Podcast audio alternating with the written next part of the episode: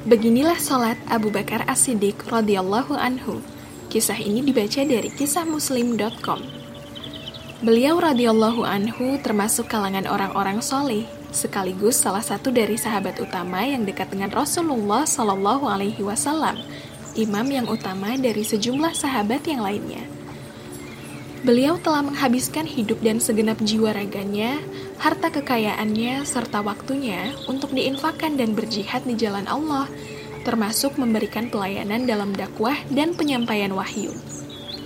Dialah sahabat Abu Bakar yang nama lengkapnya Abdullah bin Abi Kuhafah Al-Quraisy At-Tamimi, yang terkenal dengan sebutan Abu Bakar Ash-Shiddiq. Beliau sangat mudah mencucurkan air mata saat membaca Al-Quran dan sholatnya. Hal ini disebabkan karena banyaknya pengalaman hidup beliau bersama Al-Quran, sehingga beliau tidak mampu menahan perasaannya dari kejadian-kejadian yang pernah dialaminya ketika membaca Al-Quran.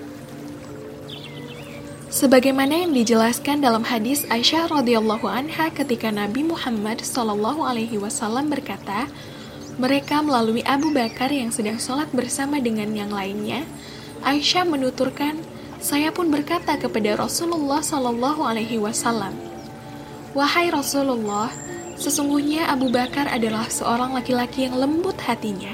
Apabila telah membaca Al-Quran, beliau tidak mampu menahan cucuran air mata dari keduanya. Hadis riwayat Muslim. Adapun kusyukan beliau serta tangisan beliau di dalam sholat benar-benar berpengaruh besar kepada orang-orang di sekelilingnya.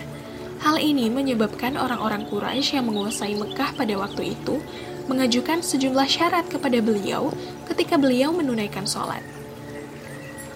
Akhirnya kaum kafir Quraisy menemui Ibnu ad yang saat itu memberikan jaminan keamanan kepada Abu Bakar Ash-Shiddiq.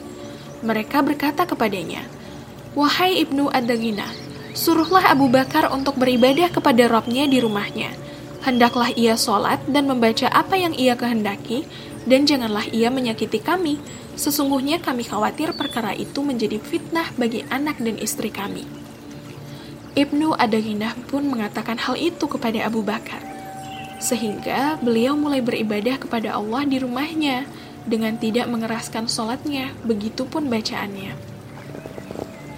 Kemudian Abu Bakar mulai membangun sebuah masjid di halaman rumahnya Beliau sholat dan membaca Al-Quran di masjid itu. Pada saat itu, berkumpullah istri-istri dari kalangan orang musyrik dan anak-anak mereka. Mereka begitu kagum akan sholat yang didirikan Abu Bakar dan terus memperhatikannya. Abu Bakar adalah seorang laki-laki yang sering menangis. Beliau tidak bisa menahan air matanya ketika membaca Al-Quran. Kisah ini diriwayatkan oleh Al-Bukhari dan Ibnu Hibban. Sal bin Sa'ad, dia berkata, Abu Bakar radhiyallahu anhu tidak pernah melirik ketika dalam sholat. Mujahid menuturkan, keadaan Ibnu Az-Zubair ketika dia berdiri menunaikan sholat seperti sebuah kayu yang kokoh atau tidak bergerak. Dikisahkan pula bahwa Abu Bakar pun seperti itu ketika sholat. Abdul Razak berkata, penduduk Mekah menuturkan bahwa Ibnu Zubair mencontoh sholat dari Abu Bakar dan Abu Bakar mencontohnya dari Nabi Muhammad Sallallahu Alaihi Wasallam.